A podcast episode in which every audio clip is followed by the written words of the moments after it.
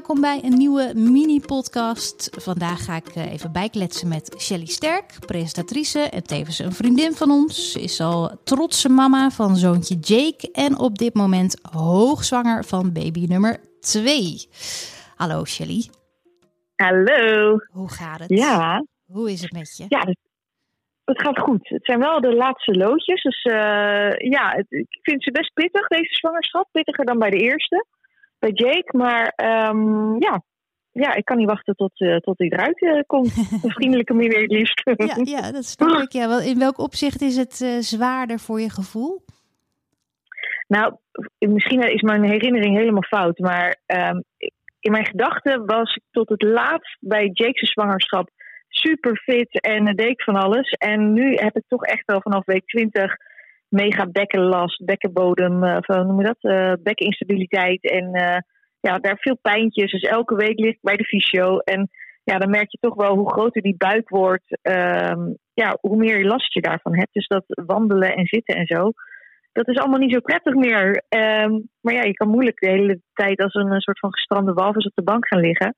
Dus het is tijd dat hij eruit komt. Ja, precies. Ja, je hebt natuurlijk die anderen nog rondlopen. En dan is het gewoon moeilijker om, uh, om je rust te pakken, denk ik ook.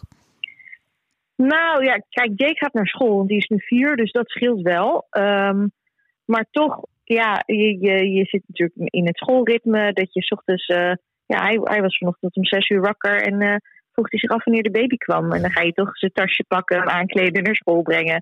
En uh, ja, straks uh, haal ik hem weer op. Dus het is, het, het, je hebt toch je, ja, ik weet het niet. Het is, het is, uh, het is anders. Het is gewoon anders wel. Ja, ja. Ook omdat je inderdaad, ja, je, je, je, hebt toch je, je schemaatje.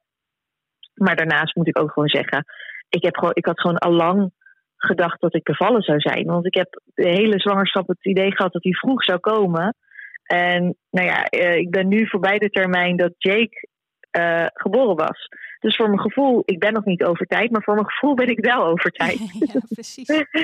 dat is ook met name een mentaal dingetje. Ja, ja dat, dat is het heel erg. Dat is sowieso met, met uitgerekende datum, zodat je dan, dan ga je heel erg daaraan vasthangen op de een of andere manier. Terwijl, ja, het is maar een indicatie natuurlijk uiteindelijk. Dat zegt helemaal niks. Maar ik, dat kan je zelf dan wel heel erg voor de gek, uh, gek houden, mentaal gezien.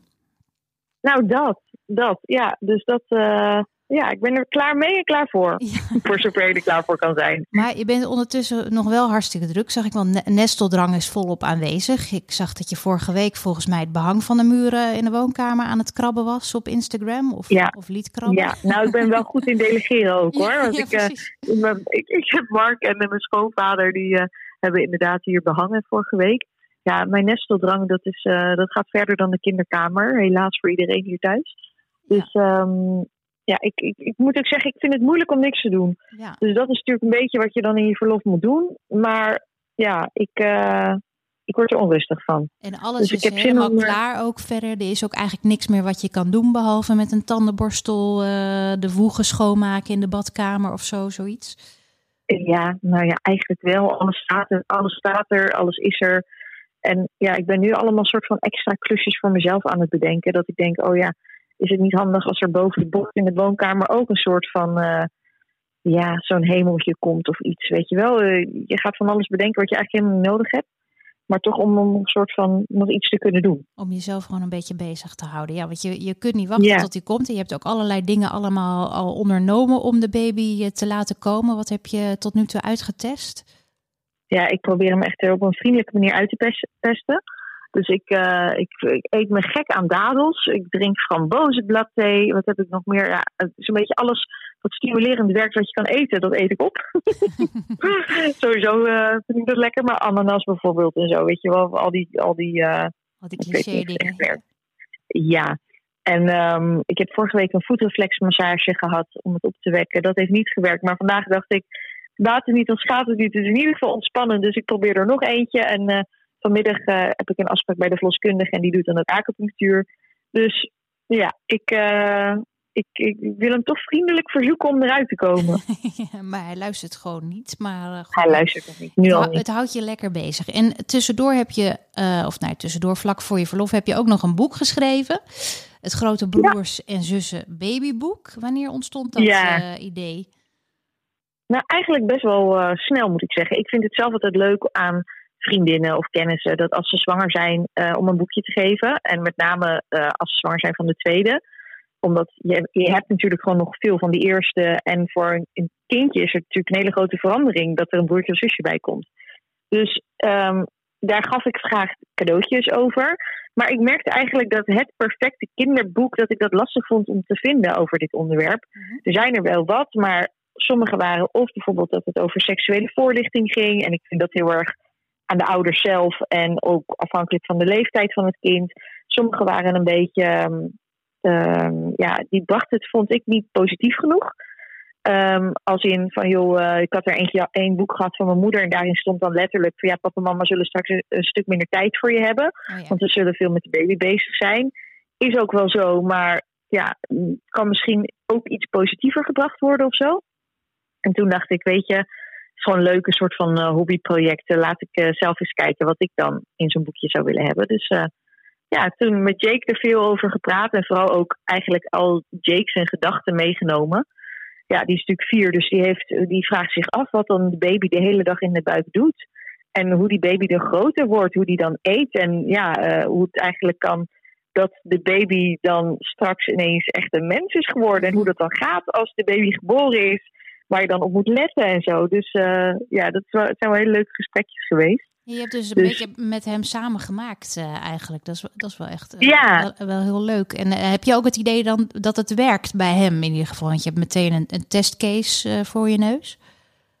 Ja, nou zeker. Kijk, ik heb ook geprobeerd om in het boekje, zeg maar, er zijn, ik heb zeg maar allemaal voorleesverhaaltjes, maar waarin je in het voorleesverhaaltje wel een beetje het gesprekje aangaat met de grote broer of zus. Dus zeg maar, één hoofdstuk gaat over, joh, ehm, wat eet de baby dan allemaal in de buik? En dan, ja, dan gaat het voorleesverhaaltje over van alles wat mama eet, dat komt ook bij de baby terecht. En eh, dus alles eh, wat jij vroeger in mama's buik hebt gegeten, dat komt, is ook via mama gekomen. En daardoor kun je bijvoorbeeld zorgen dat als mama heel erg veel zure matten eet, dan vindt de baby waarschijnlijk zure matten later lekker. Wat vind jij nou heel erg lekker? Weet je wel? Dus dat je, dat je een beetje die link legt of een ander hoofdstuk gaat over. ehm, ik leg altijd aan Jake uit dat de baarmoeder een soort van huisje is in mijn buik waar hij eerst in heeft gezeten.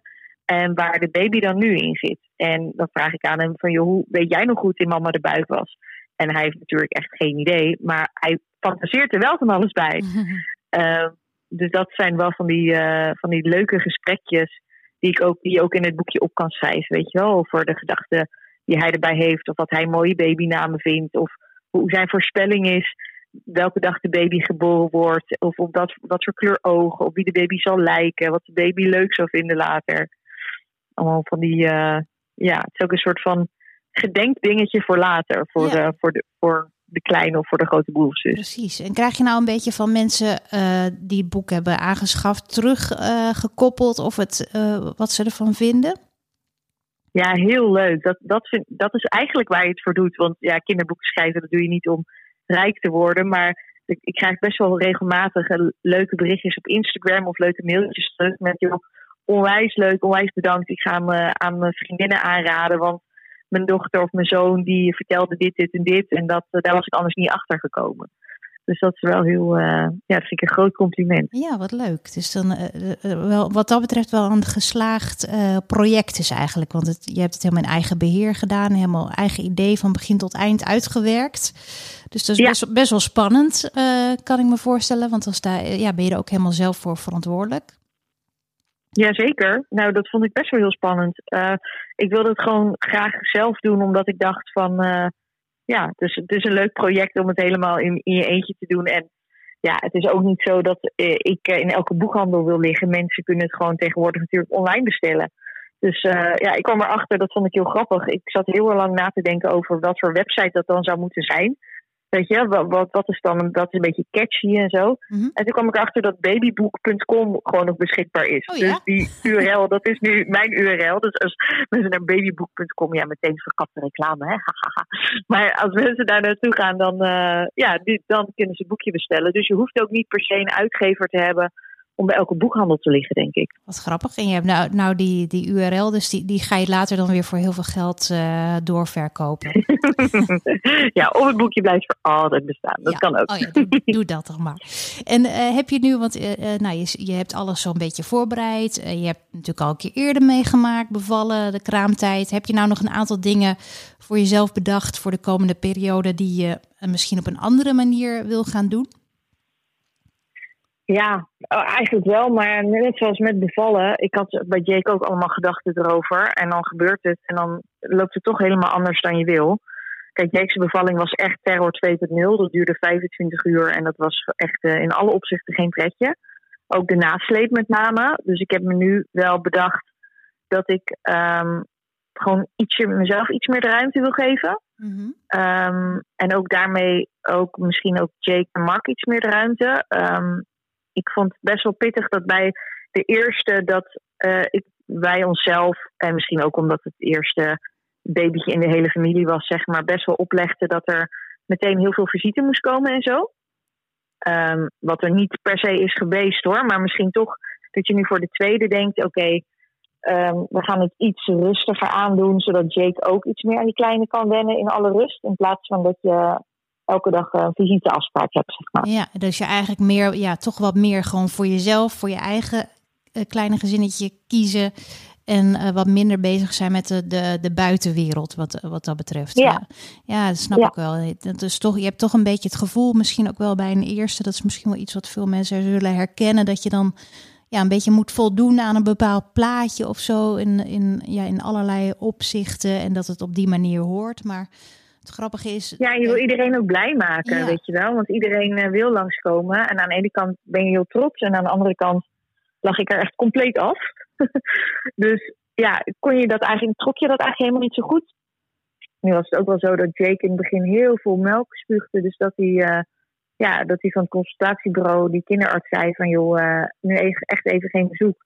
Als hij een verkoudheidje erbij krijgt, dan beland je in het ziekenhuis omdat hij dan echt te veel af gaat vallen. Dus ja, dat was, en je bent voor de eerste keer ouders, dus alles is spannend. En als mensen iets tegen je zeggen, dan neem je dat gelijk voor waar aan. En ik hoop dat ik nu toch daar ook wel iets relaxter mee ben. Ja. En iets, uh, ja, gewoon iets, iets lichter allemaal. Jawel, ik denk het wel. Ik, tenminste, dat is mijn ervaring in ieder geval met, het, met de tweede en uh, zeker ook met de derde, dat je ja, je, je leert, je moet toch ook een beetje leren om ouder te worden of zo. En dat je op een gegeven moment dan, dan weet je gewoon wat voor jezelf werkt. En dan laat je jezelf niet meer zo snel van de wijs springen. Dus dat komt uh, vast en zeker helemaal goed. Heb jij nog een tip voor een tweede? Hoe je dat met de eerste doet bijvoorbeeld? Ja, wij hebben toen met mijn bevalling, weet ik nog dat we een cadeautje mee hadden genomen naar het, uh, naar het ziekenhuis. Dat had ik niet, ook niet zelf bedacht of zo hoor. Dat had ik ook ergens gevonden. Dat dat een uh, goed idee was om dan een soort van namens de baby uh, het, het, eerste kind een cadeautje te geven. Omdat het dan meteen al een soort van positieve ervaring zou zijn. En ook ja. een beetje een feestje, weet je, een beetje het feestgevoel. Dus dat hebben ja, we ik gedaan. heb een blauwe zuurstok uh, van uh, ja, zo'n blauwe lolly. Maar oh, ja. die heb ik, uh, nou. heb ik want mijn moeder zei van joh, dat, dat had ik dus blijkbaar in mijn hand vroeger voor mijn zusje. Omdat baby's een knijpreflex hebben, dus die kan die ook echt in zijn hand hebben dan. Oh, ja, nou, ja, alsof die er zo met zuurstokken naar uit is gekomen. Het is niet te hopen dat dat echt gebeurt, maar... freaky. maar ja, zoiets hadden wij gedaan. En um, even denken, wat hebben we nog meer toen? ja, ik weet, mijn oudste was bijna drie toen uh, uh, de middelste werd geboren. En die was dus nog wel op een leeftijd dat hij het ja, allemaal nog wel ja, best wel een, een, een, groot evenement was het voor hem in zijn leven. En hij vond het ja, toch ook moeilijk om ja, even eraan te wennen dat hij niet continu de volle aandacht meer kreeg. Dus we hebben daar in het begin uh, nou, hebben we eigenlijk ervoor gezorgd. Ik lag er toen ook een beetje af. En dat, dat uh, Luc heel veel dingen met hem heeft gedaan. Ook in de kraamtijd. Ook gewoon ook wel die tijd met hem pakken. Dus dan moet je gewoon een beetje de aandacht verdelen. Dan was ik meer met de baby. En hij meer met hem op pad en een keertje extra naar de speeltuin, een beetje de energie eruit. Ja, dat hebben we ook maar gewoon een beetje laten gaan. En uh, toen kwam het ook vanzelf uiteindelijk gewoon goed. Ik heb uh, volgens mij alle vertrouwen in dat dat bij Jake helemaal, helemaal goed gaat komen. Die, die is toch, wat ik van jou een beetje begrijp en ook op Instagram voorbij zie komen, is hij vooral heel erg trotse broer nu al, toch? Ja, nee, zeker. Hij is ook wel heel benieuwd naar de naam. Hij, hij vroeg van de week, zei hij, mama, mama, mag er misschien één letter? want je hebt het niet aan hem verteld. Uh, dus. Nee, nee, want als, uh, ik ben, opa en oma's die zijn te nieuwsgierig. Dus ik ben bang dat die uh, dan ook gelijk weten. Ja, verstandig. Dus het is een geheim. Ja, wij hebben het ook geheim gehouden hoor. Want ik, ja, ik, ik, ik bedoel, ik vertrouw mijn kinderen echt wel. Maar het is wel heel moeilijk om zo'n groot geheim te bewaren. En uh, ik was ook bang dat ze het eruit zouden flappen. Dus uh, nee, ik denk dat, het, dat je er goed aan doet om, om dat voor hem nog eventjes ook een geheimpje te houden. Ja, ja, ik ben heel benieuwd. Ik ben heel benieuwd hoe hij op alles gaat reageren. Nou, ik, ik hoop heel snel dat hij het heel snel te weten gaat komen. In ieder geval, zet hem op. En, uh, Thank nou, you. Ik hoop dat die uh, kleine man zich uh, vooral in goede gezondheid snel zal gaan aandienen. Ik hoop het. Ik hoop het. Laat het hopen. Thank you in ieder geval.